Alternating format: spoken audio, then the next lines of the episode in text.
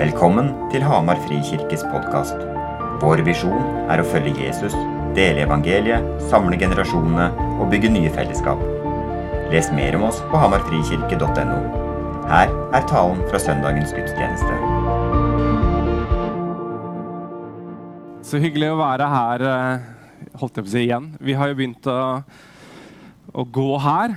Eller dette er vårt hjem. Jeg husker jo at jeg startet jo mitt kirkeliv her med Ola Gjøra som uh, søndagsskolelærer. Og så, så kanskje så ble det Fiadelfia etter hvert, for det var faktisk ikke noe ungdomsarbeid når jeg var ung her. Det kom liksom generasjonen yngre enn meg, så, jeg, så, dere får bare tilgi meg for det. Jeg har vært gått i Fiadelfia i ungdomstiden her. Og så og Så dro jeg til den store storbyen og levde et utsvevende liv, som vi gjorde i Oslo. Kom tilbake blakk og med halen mellom beina og hjem til mor og far og Grimerud. Så jeg har liksom levd ut Lukas 15, føler jeg. Eh, takk for at jeg får komme tilbake, og dere har tatt så godt imot meg. så sånn er det, vet du. Det var dyrt og hardt i Oslo. Jeg, jeg har eh, det kom litt brått på denne talen, her, så jeg sa at jeg kunne ikke ta søndagens tekst. Men det er nesten søndagens tekst. Det ligner litt, og vi er i Johannes. og Jeg skal snakke om ikke bare beskjærelse, så hvis dere er litt stressa nå, så jeg skal snakke enda mer om frukt. Uh, men da kan dere gjerne ta opp uh, hvis dere har egen bibel, eller så kan dere bare lytte, fordi Bibelen ble skrevet for å lytte. Den skulle leses høyt. Så da leser jeg disse veldig kjente versene fra Johannes 15.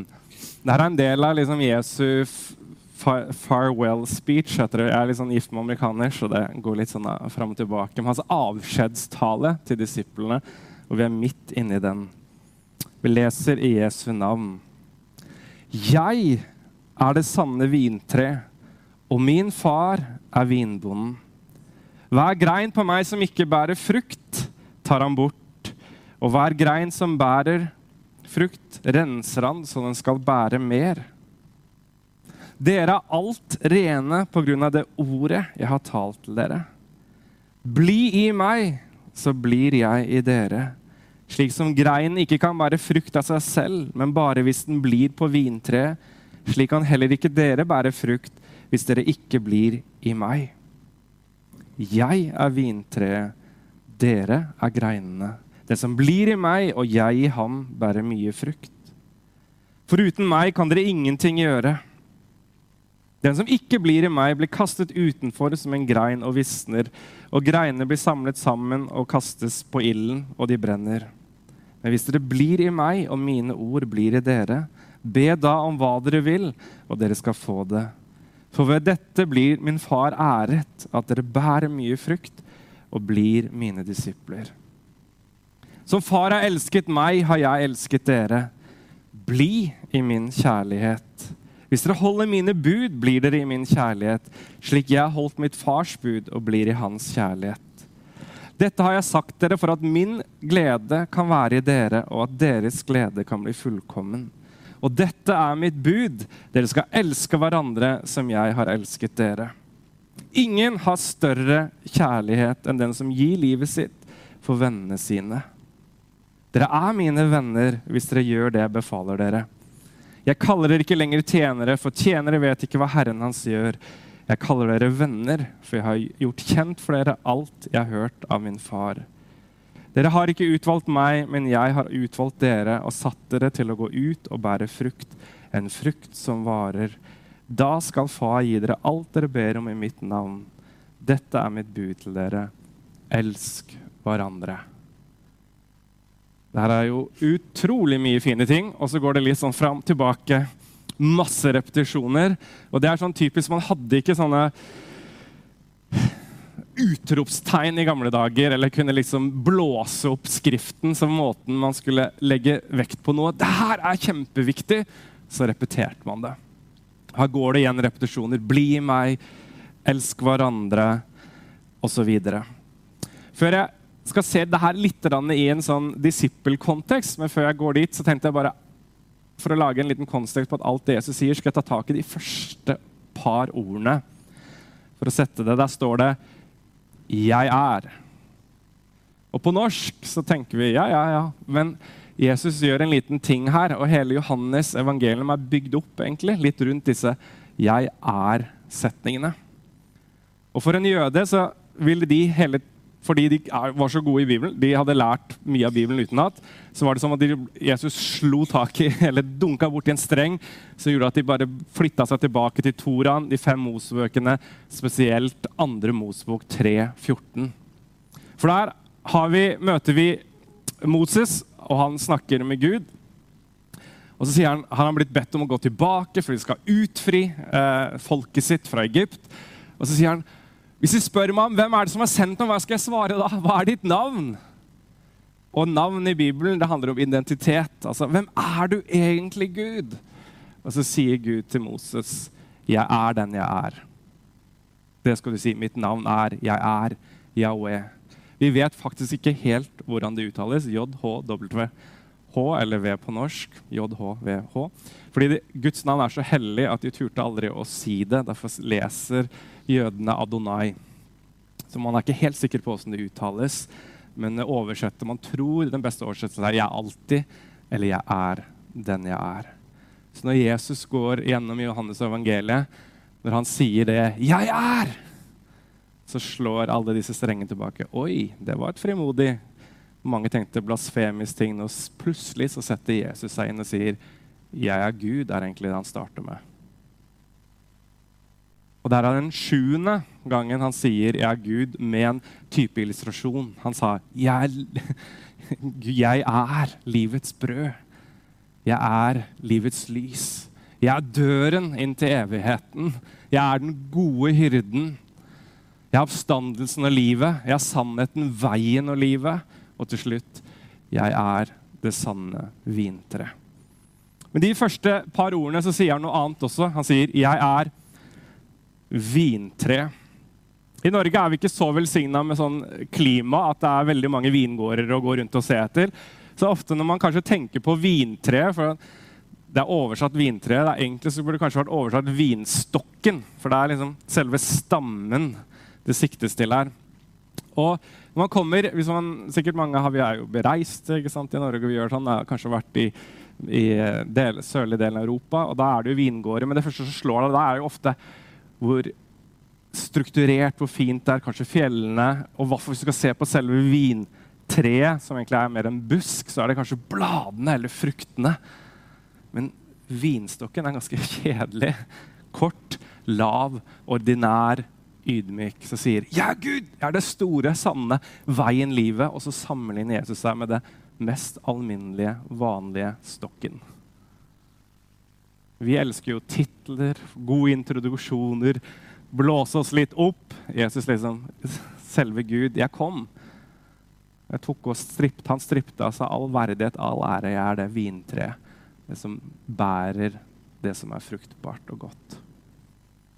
Men så sier han en ting til. Fordi vingård var noe av det mest sentrale i jødisk økonomi og liv. Og jeg tror han På mange måter så sier Jesus så, ja, jeg er Gud. Jeg er. Og jeg er ydmyk Gud. Jeg kom, jeg tok av meg alle tingene. Jeg ble et menneske akkurat som dere. Men akkurat som vingårdene er utrolig sentrale for deres økonomi, for deres liv, så skal jeg være sentralt i deres liv. Jeg er senteret. Sentrum for din tro. Og jeg er kilden til alt liv.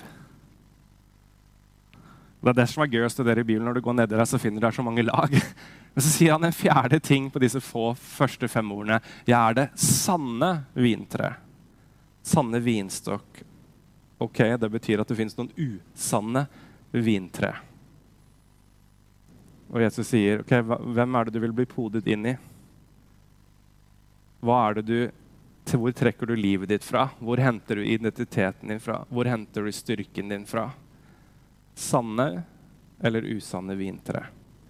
Og da er det ofte at vi tenker at da tror jeg han tenker ja på avgudene. De var jo hele, Gjennom hele Gammeltestamentet så sleit de med det at de bøyde seg for Bal, erstatte. Men etter Babylon-eksilet så virker det som jødene lærte. Da hadde de aldri noe avgudsdyrking. Fins ikke jødisk historie. Men han sier det etter den tiden, og da tror jeg det er mer inn i våres tid. Disse avgudene kan like godt være frikirka. Det kan være jobben din, det kan være familien din, kjæresten din, et musikkinstrument. Det kan være alt mulig annet hvor du henter identitet eller lytter mer til enn det Gud lytter til. Så jeg er det sanne vintreet. Jeg er Gud, folkens. Jeg er ydmyk. Jeg er det sentrale i ditt liv.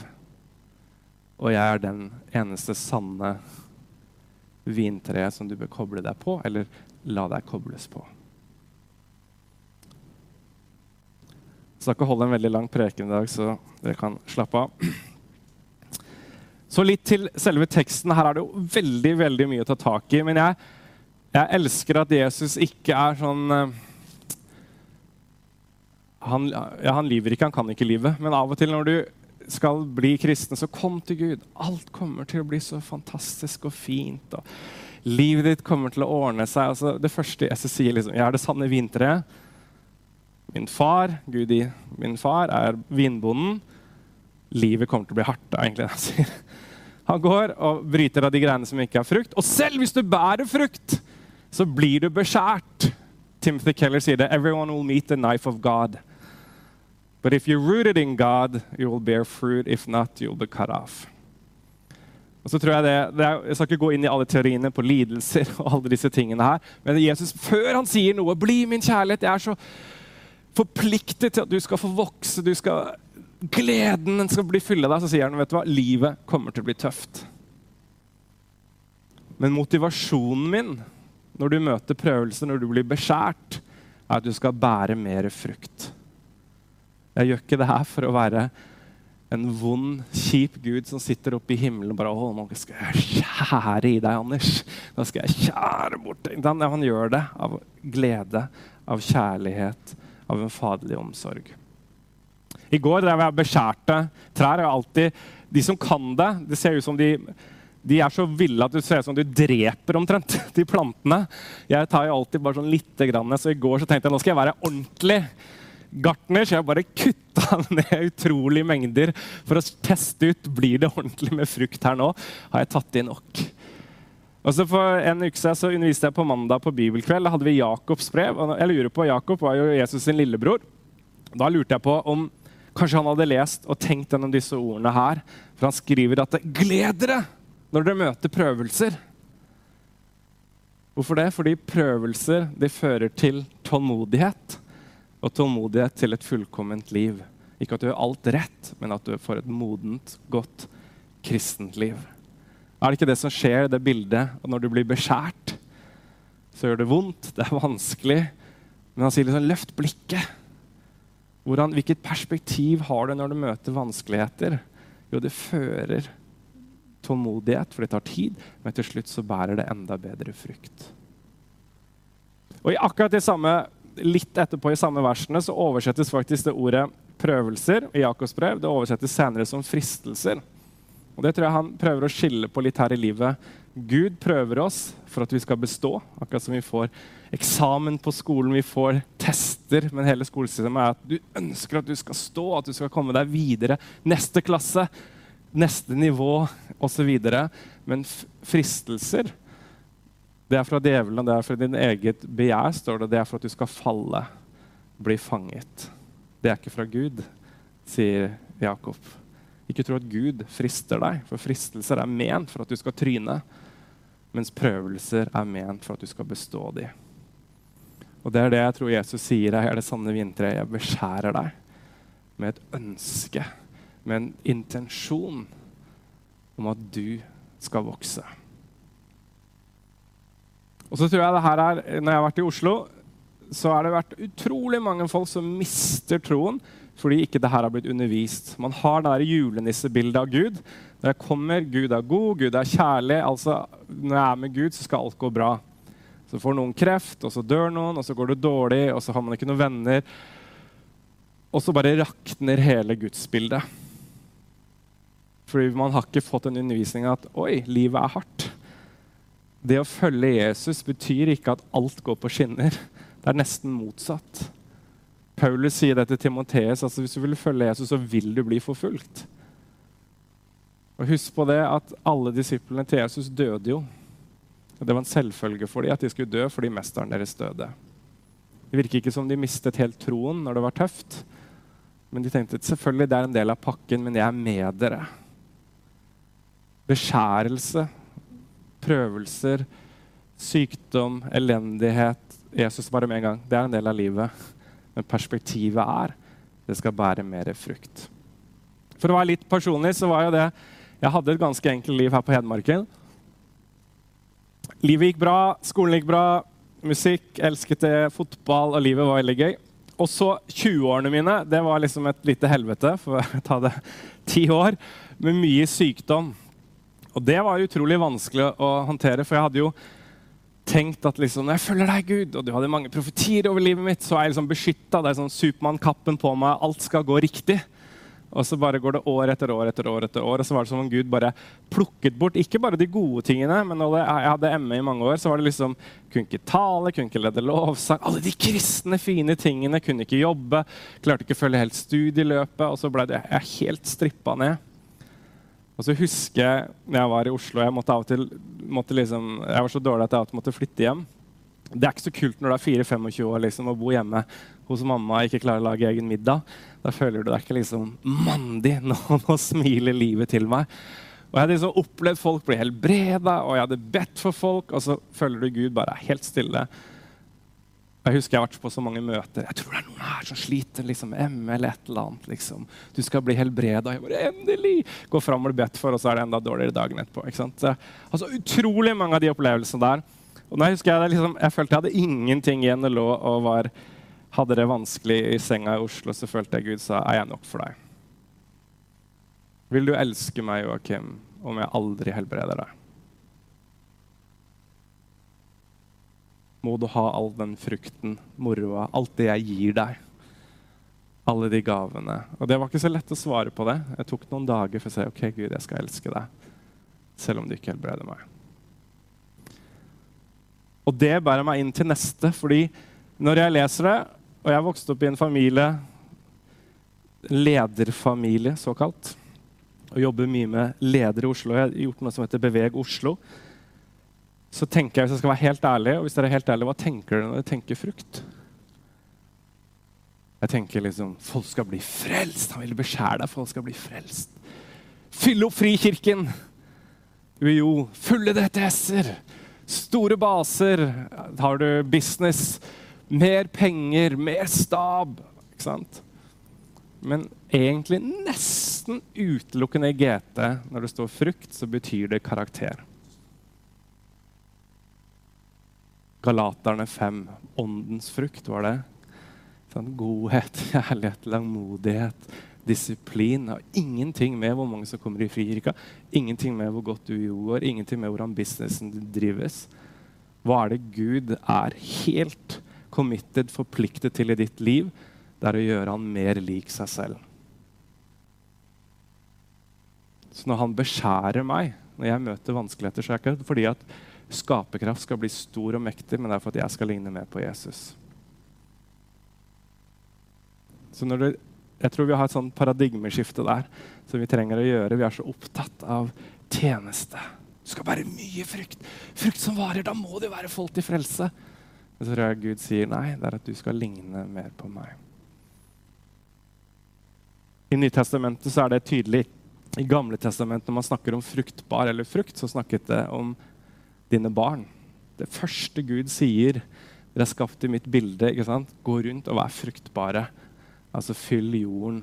Hva er det er et barn er for noe? Jo, det er et avbilde av deg som du disippelgjør til å bli lik deg, den måten du følger Gud på. Adam var jo Guds sønn, står det i Lukas. Han var skapt i Guds bilde. Han skulle bli som sin himmelske far. Akkurat samme prinsippet. Da er det noe jeg har lært når jeg går en master i Region som handler om en holistisk evangelieforståelse og livet ditt. liksom Teologi for livet. så er det at Vi har brukt veldig mye tid på å be og søke Gud på det vi kaller liksom, det de kaller det secondary calling or your professional calling. Ditt profesjonelle kall. på en måte din, um, og det handler om liksom, hva skal jeg bli. Skal jeg bli snekker, misjonær? rørlegger, lege. Hvor skal jeg bære? Skal jeg være det landet, det landet? Men så glemmer vi vårt første, dypeste kall, det vi var skapt for, å ligne Gud. Og det er egentlig hele meningen. Og det har vært sånn befriende for meg, for det er ofte så er jeg på riktig plass. Hvor er jeg i livet? Og så vite at fra jeg, vokser, fra jeg blir født til jeg går i graven, om jeg er fattig, rik, om jeg er syk eller frisk, om jeg er gift, ugift, om jeg har mange barn eller ikke mange barn, så vet jeg at hver dag så kan jeg leve ut kallet mitt, og det er å ligne Jesus. Og la Gud få jobbe i livet mitt, så jeg skal bli mer lik han. Og det er jo også kjernen i disippelskap på Jesu tid, når han valgte disipler, så var det hele liksom, systemet. Da jeg gikk på Universitetet i Oslo, så var vi, virka det ikke som professorene var veldig interessert i oss. Det var sånn litt sånn der eh, nødvendighet. åh, må jeg inn og forelese? Noen var gode, mange var ikke det. Så satt de bare og bladde seg gjennom tingene. Og for oss vi brydde oss ikke noe om professorene heller. Vi bare ville ha kunnskapen vi skulle stå på en eksamen. Det er helt feil modell når du tenker på disiffelgjøring. De skulle følge Jesus for de ville bli lik han. Derfor satt ikke disse små jødiske guttene bare på noen stoler i synagogen og hørte på Jesus. De fulgte han. Derfor sier han 'følg meg', for de ville se hvor han møter han kvinner. For sånn vil jeg møte kvinner. Hvor han møter han syndere, tollere, syke. For sånn trenger jeg møte. Hvor han spiser han, hvor han kler han seg, hvor han takker han for maten hvor sover han? Hvordan håndterer han penger? For sånn har jeg blitt. Du skulle ikke bli den beste utgaven av deg selv, du skulle bli som din rabbi. Derfor var på en måte en av de velsignelsesstatementene de hadde May you be covered by the dust of your rabbi. Altså Må du gå så tett på de støvete israelske veiene at støvet fra rabbien fyller deg. For at du skal ikke miste et eneste øyeblikk av å få se hvordan Jesus er, sånn at du kan imitere han en av pastorene i Jerusalem som jeg kjenner, som heter Reverend David Pelleggi. Ekstremt belest mann. Så spurte han Pelleggi, David, sa jeg, hva, hva, er liksom kjernen i disippelskap? Hvis jeg skal liksom Helt core, så sa han It's simple. It's imitation. Skal imitere. Og det tenker jeg på. Bli i meg i vintreet. Så tett på som mulig for å se Jesus, sånn at du skal bli som han. Så når det står frukt i Bibelen, mye frukt, frukt som varer, så ikke tenk store forsamlinger. Gud er glad i det, er ikke det? Mange folk frelst først og fremst. Masse helbredelser, store budsjetter, men Kristus likhet. Og Derfor tror jeg at hvis du skal måle fruktbarhet i livet vårt, så er det ikke da størrelsen på det du jobber med, men Kristuslikheten din. Og da tror jeg din kone eller din mann eller dine barn er kanskje det beste speilet å ta. For det er, fint. det er lett å skinne her, ikke så lett å skinne hjemme når det er fire barn som står og skriker på deg. Da finner du ut hvor mye lik du er Jesus. Veldig bra, greit å være god på bortebane, men det er på hjemmebane du viser ditt sanne jeg. En liten historie der. Pappa var så heldig i 70-årene å få lov til å reise rundt i Norge med som til Richard Wormbrandt. Han uh, var en kristenleder i Romania under kommunismen. og Da hadde de kommunismen arrangert en sånn svær kongress hvor de skulle være, ned, være, med og få hele kirken til å bøye kne og på en måte godta kommunistens lære. Da kunne de få lov til å fortsette å være kristne. Og fordi de visste at det her kommer til å koste dem dyrt å si imot kommunismen, så gikk liksom ene kirkeletteren og andre de bøyde kne. Så satt jeg tror hun heter eh, Sabina, kona, sa til, dunka borti Rikard og sa gå opp, og så tørka Jesus skam. Kan ikke holde på sånn. Og så sa han men du vet hva som kan skje med meg? Jeg vil ikke være gift med en feiging. så gikk han opp, og så snakket han kommunistlederne i, landet rett imot. Så gikk det ikke så lang tid før han ble plukket opp i en bil og kasta i fengsel seks år først. Så var han fri en liten stund. Åtte år. Jeg leste boka hans 'Kristne rumensk fengsel'. Utsatt for det verst mulig tenkelige torturen. Altså, den eneste måten han overlevde, var alle bibelversene han hadde lært seg utenat. Han levde på ordet. Og så var det jo noen som var interessert, da, for han var jo virkelig prøvde å, å være et vitne der. Så var det en fange som sa til Rikard, for Han hadde ingen bibel, hadde ingenting, og hvor mange av de var helt analfabete i forhold til kristendommen. Så sa Rikard, hvem er Jesus? Hvordan er egentlig Jesus? Og så svarte han, han er litt sånn som meg. Og så sa fangen og da vil jeg møte ham. Da vil jeg bli frelst. Jeg husker den bare boom inn i hjertet mitt. Så tenkte jeg mine ikke-kristne venner, hva hadde de satt hvis de sa fortell meg om Jesus? Han er litt sånn som meg. Hva ville de svart da? Aldri! liksom. Oh, den guden der vil jeg ikke ha noen ting med meg om å gjøre. Eller ville de sagt ja, men Joakim, da har jeg lyst til å bli kjent med ham. Tenkte jeg, Det er det Jesus snakker om.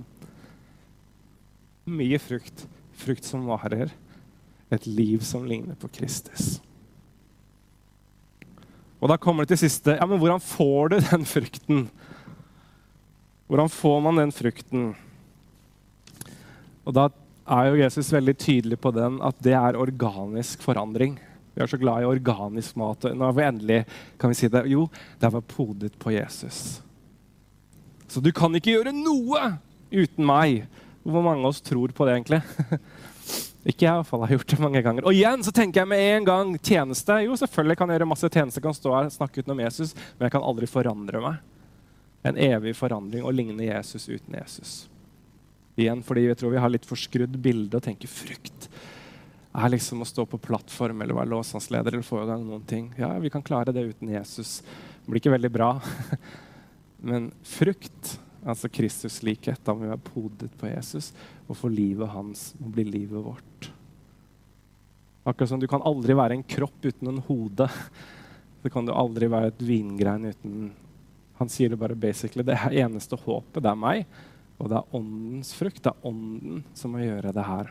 Derfor tror jeg også Når du sier frukt som varer, så tror ikke jeg det bare handler om ja, folk som er frelst, som blir med inn i, i, det neste livet med Gud. Det kan godt hende at det er en del av pakka, men en frukt som varer, tenker jeg det har en Kristus-likhet som er reell. For jeg tror vi ofte gjør at vi går på selvhjelpsbøker, vi setter opp dis disiplin er viktig, det, og tingene, så prøver vi selv å bli litt bedre, litt snillere, Litt bedre med kona, litt hyggeligere med barna. Men det pleier som regel bare å holde på litt, og så brekker man. Men Jesus sier det er ikke sånn det skal gjøre det. Må bli i meg. La dine ord bli i meg. Sånn at hans tanker blir mine tanker, hans holdninger blir mine holdninger. Hans kjærlighet blir min kjærlighet. Og så sier han at OK, videre her det her er tegnet. Så ok, Kristuslikhet er en i din karakter, men den andre måten å se Kristuslikhet er at dere holder mine bud, sier han. Altså dere, Min veiledning. Når man snakker om loven i Gammeltestamentet, så tenker vi veldig fort loviskhet. Men jødene elsker loven, for det var veiledning til livet. Ved å holde Guds veiledning.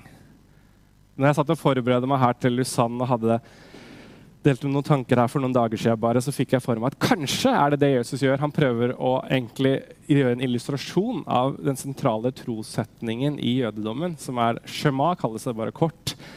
Det betyr Shema betyr å høre, høre så godt at du gjør det. Shema Israel, står det. Hør Israel, 5. Mosebok 6,4. Herren er én.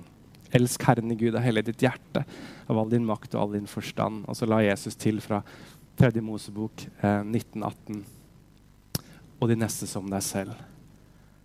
Kanskje det han prøver å si her. Bli meg! Bli min kjærlighet! Hvor, hvor, sånn elsker du Gud. Hvor, høre så mye på hans stemme og lytte til han. Sånn at du fylles med kjærlighet. Du begynner å ligne Kristus. Sånn at du begynner der med Og så elsker du naboen din. For hva er budet, sier han. Hva er Det her? Det er ikke noe tungt. Elsk hverandre. Men så sier han det her klarer dere ikke. Du klarer ikke å elske kona di, barna dine, mannen din, naboene dine uten å være i Guds kjærlighet. Det er kun det. Å være i Gud.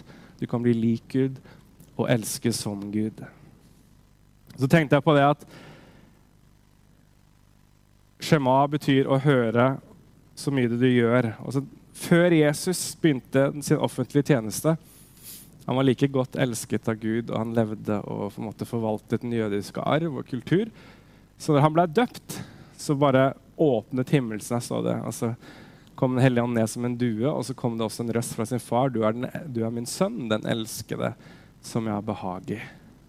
Jesus trengte å høre sin fars stemme, bekreftelse før han gikk inn i det kompliserte og krevende livet det være å være den misforståtte Messias.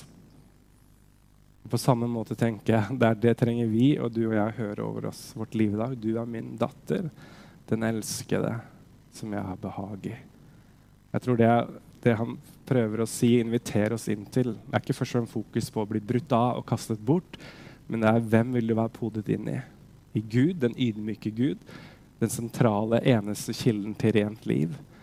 Hvis du poder deg inn på han, så vil du forandres. Du vil få liv og du vil kunne elske. Men da er jo mitt spørsmål til dere i dag er jo egentlig det to spørsmål dere kan tenke på inn i en sånn tjenestetid. Det ene hvordan møter vi utfordringer i livet? Drar vi oss nærmere Gud og ser det store perspektivet hvor han former oss til han eller ikke? Og det andre er hvordan praktiserer jeg å være i Gud? Vi har så mange fine ting. Jeg kan gå og si ja, ja, vi må være i Gud. Jeg er helt enig, men hva? Helt praktisk. Hvordan gjør jeg det? Jeg har ikke alle svar, men jeg tror det handler om å være i Guds ord. Kjempeviktig med å lese Bibelen og ta oss til det. Jeg tror det handler om å være i stillhet, i bønn. Jeg tror det handler om gode rytmer. Jeg vet at jeg har snakket om det For vintreet skal vokse, så må man ha oppover så må det være noen støtter. Som å gå i kirken, som å ta nattverd. Praktiske handlinger, sabbatshvile. Ikke bare disiplin, men jeg tror det er visse ting som gjør at vi må få fokuset. For jeg tenker at det her går hånd i hånd. Høre og gjøre. Være og gjøre. Jeg tror det, er, det handler om å liksom være, få med seg at ja, men jeg er i Gud. For det er så fort gjort at vi glemmer Han, og så løper vi videre uten Han.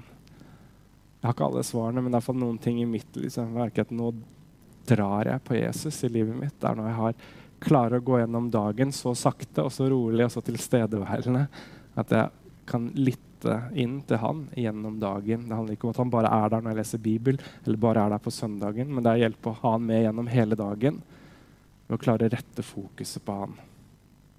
La meg be.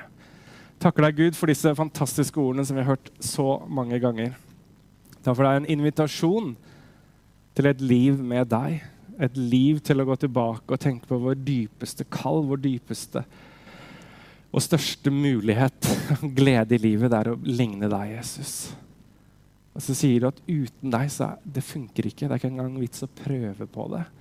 Men i deg så er det mulighet. Over et langt liv så vil du gradvis, sakte, men sikkert, dag for dag, uke for uke, måned for måned, år for år, forme oss litt mer og mer i ditt bilde. Så har du en nådefull Gud. Jeg ber Jesus for oss, for Hamar frikirke, at vi skal ha riktig fokus, Gud. Ikke på først og fremst å vokse og bli store og brande oss selv, men for å ligne deg, Jesus. At vi må være i din kjærlighet. At vi må lære oss hvordan er det å trekke på ditt liv inn i våre liv. Lovsangstimen kom opp, så vet jeg at det er forbønn. Men det er sånn, jeg tenker ofte er det sånn Én ting er å kunne spørre foreldre, sine foreldre eller kone eller barn eller mann hvordan man er i forhold til fruktbarhet, men jeg tenker en god sånn indikasjon også hvis jeg skal være ærlig, er når det blir vanskelig. Hva gjør du da? Ikke sant? Går man og ser på porno for å trøste seg? Drikker man litt mye? Bare Går man inn i en sånn treningsgreie? Jobber man bare dobbelt så mye?